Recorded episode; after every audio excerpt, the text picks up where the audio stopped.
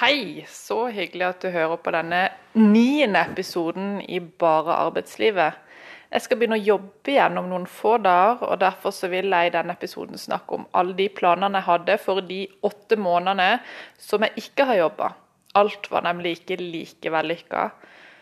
Og så vil jeg snakke litt om at jeg nå stålsetter meg på å igjen bli en hodeløs kylling som haster til og fra jobb hver dag. Mitt navn er Hege Helvik, og jeg er utrolig engasjert i arbeidslivet. Send meg en mail hvis du har erfaringer eller innspill på arbeidslivet at hotmail.com.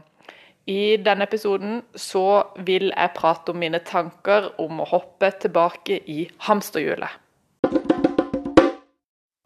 Her har altså jeg da drevet og snakka masse om arbeidslivet, men sannheten er at de siste åtte månedene så har jeg ikke jobba.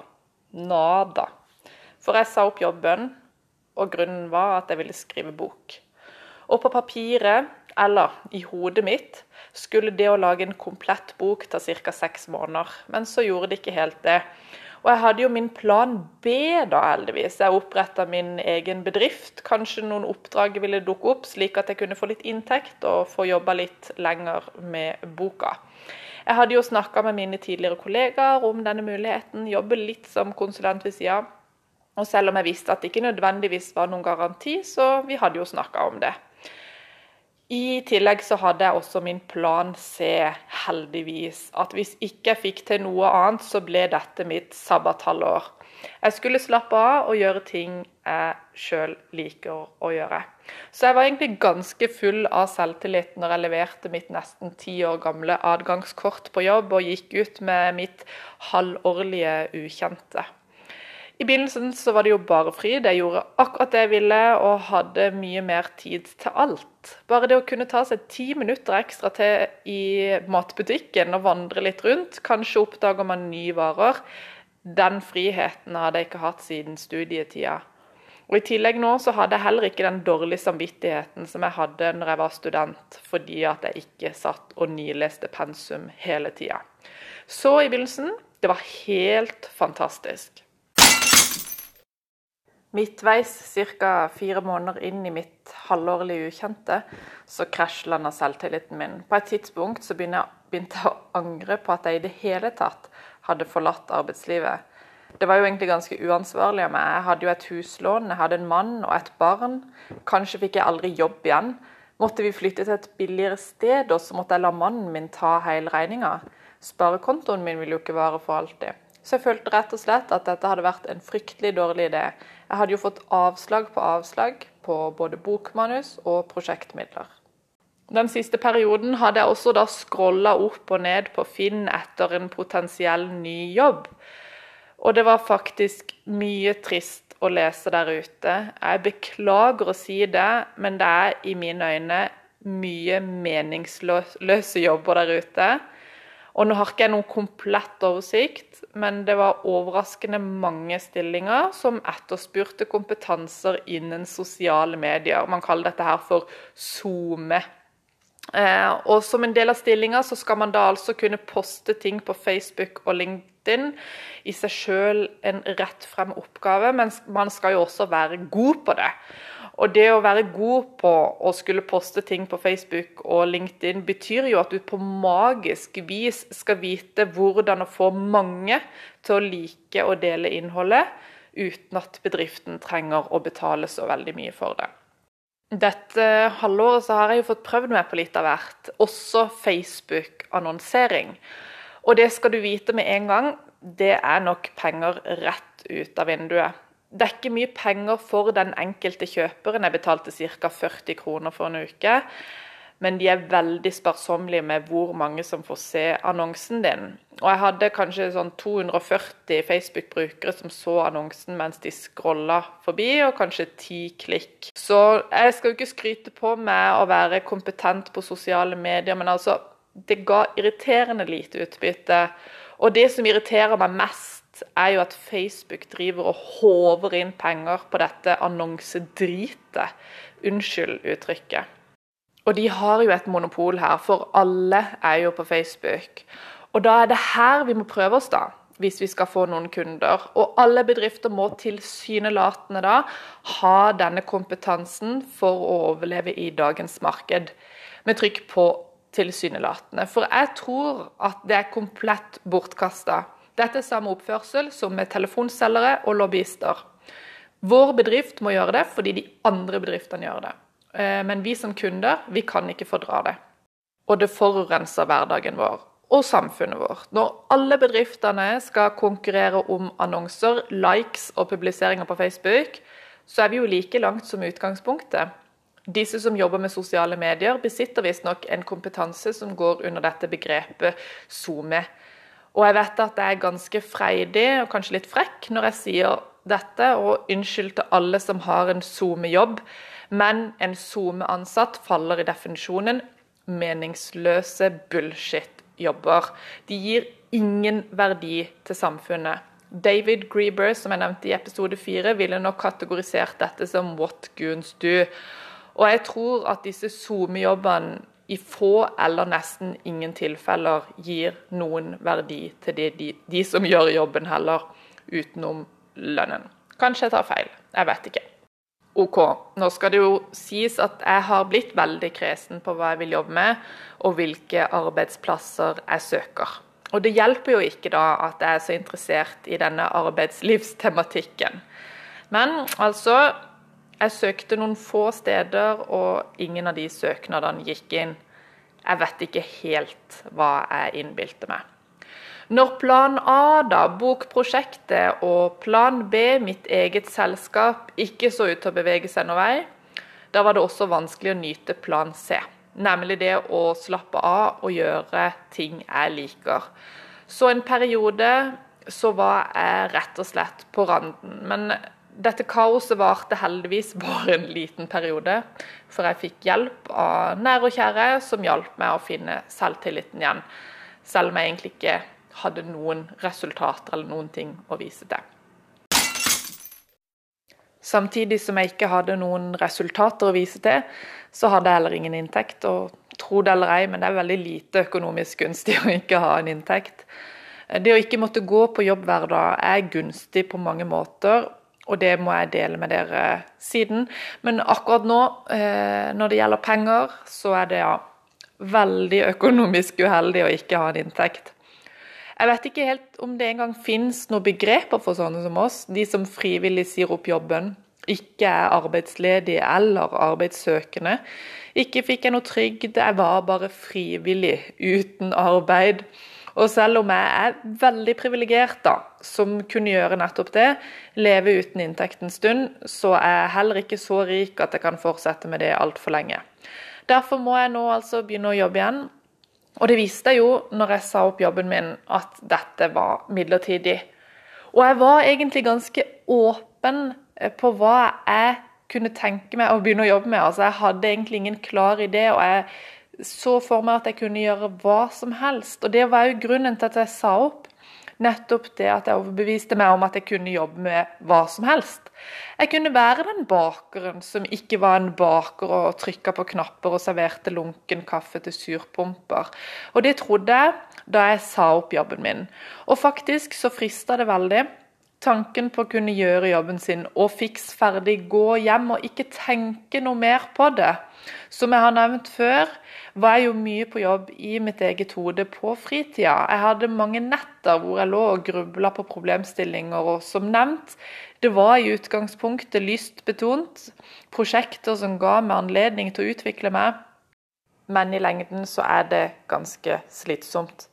Disse åtte månedene har også gitt meg mye tid til å tenke.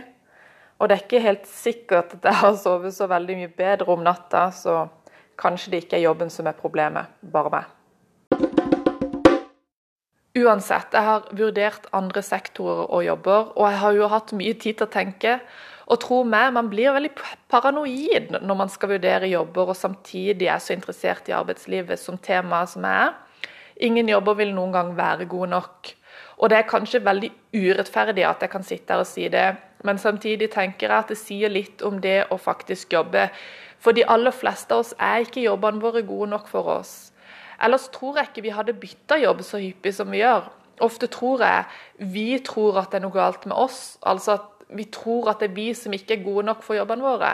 Men jeg tror altså det motsatte, at jobbene ikke er gode nok for oss, og da primært vår mentale helse.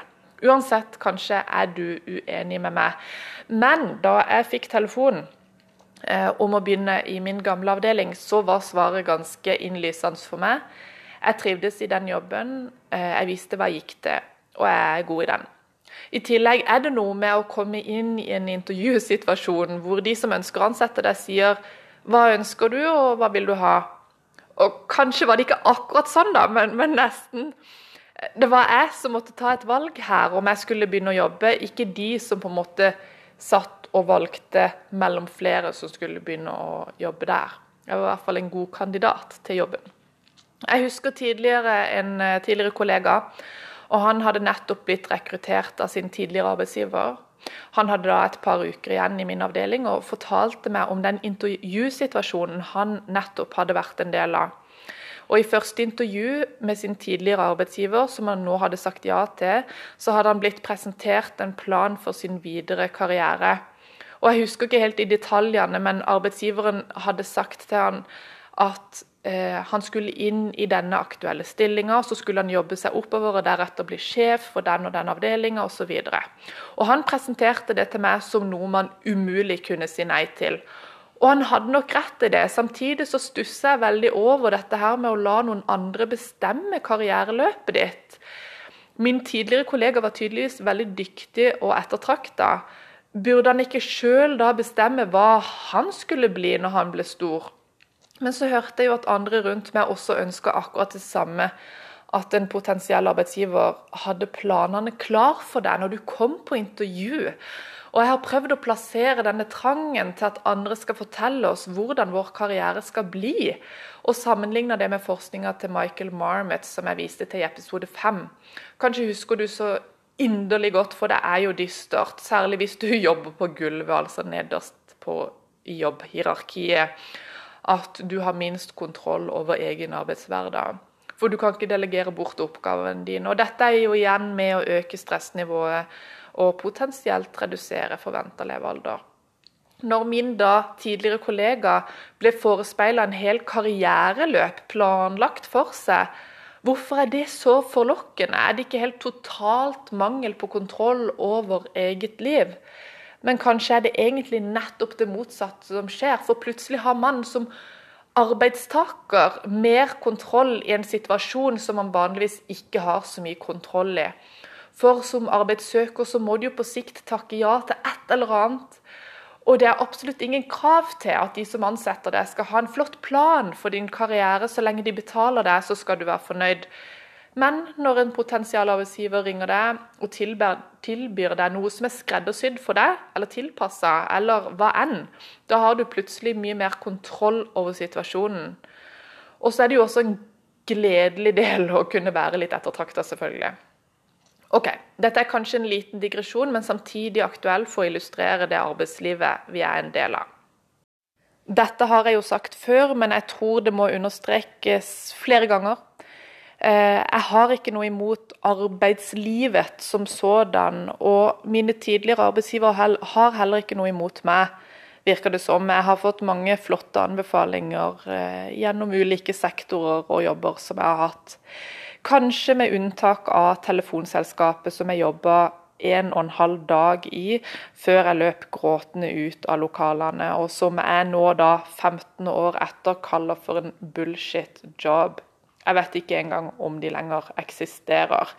Men som jeg har nevnt, er det da mengden arbeidstid jeg er imot.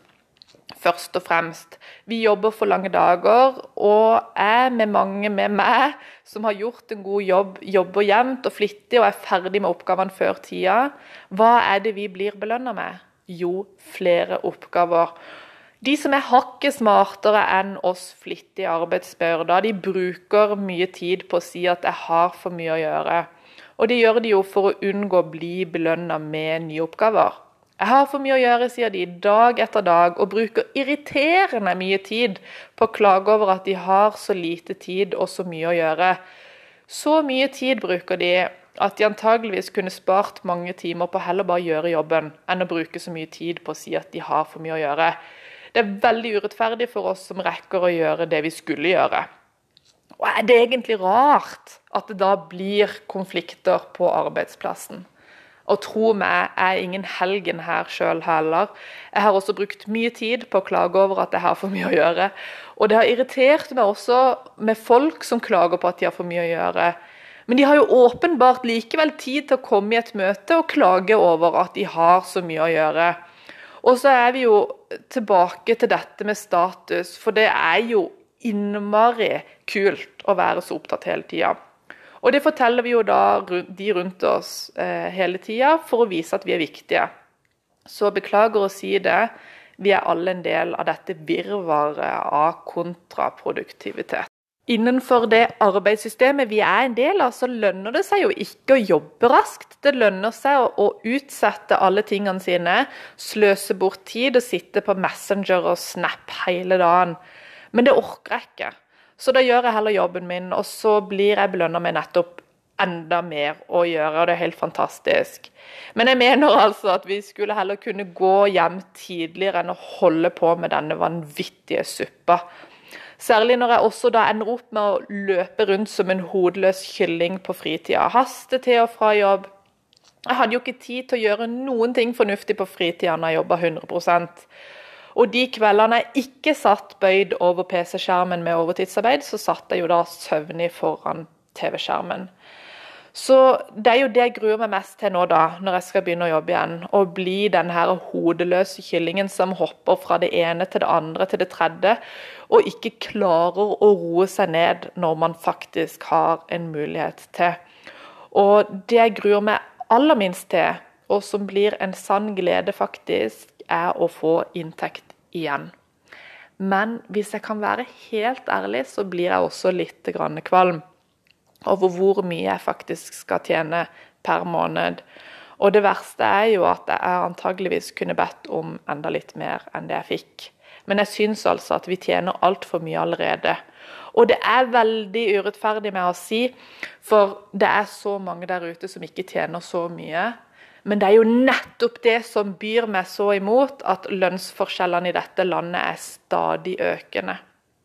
Men også det får jeg komme tilbake til i en annen episode. Jeg har tydeligvis mye på hjertet.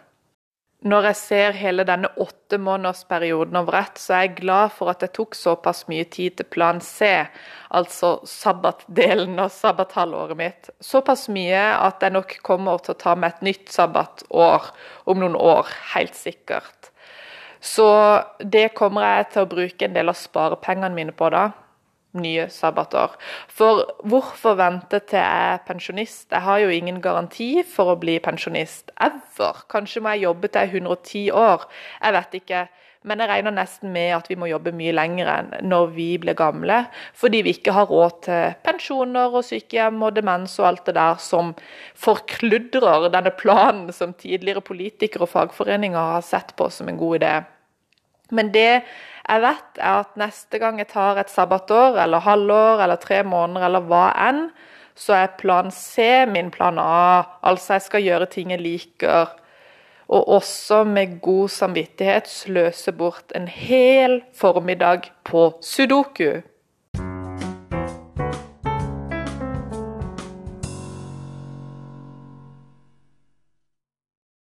Takk for at du har lytta på denne episoden også. Helt på tampen så vil jeg minne om min søken etter erfaringer med åpne kontorlandskap. Send meg dine tanker på arbeidslivet.hotmail.com. I slutten av februar vil jeg ha en episode om åpne kontorlandskap.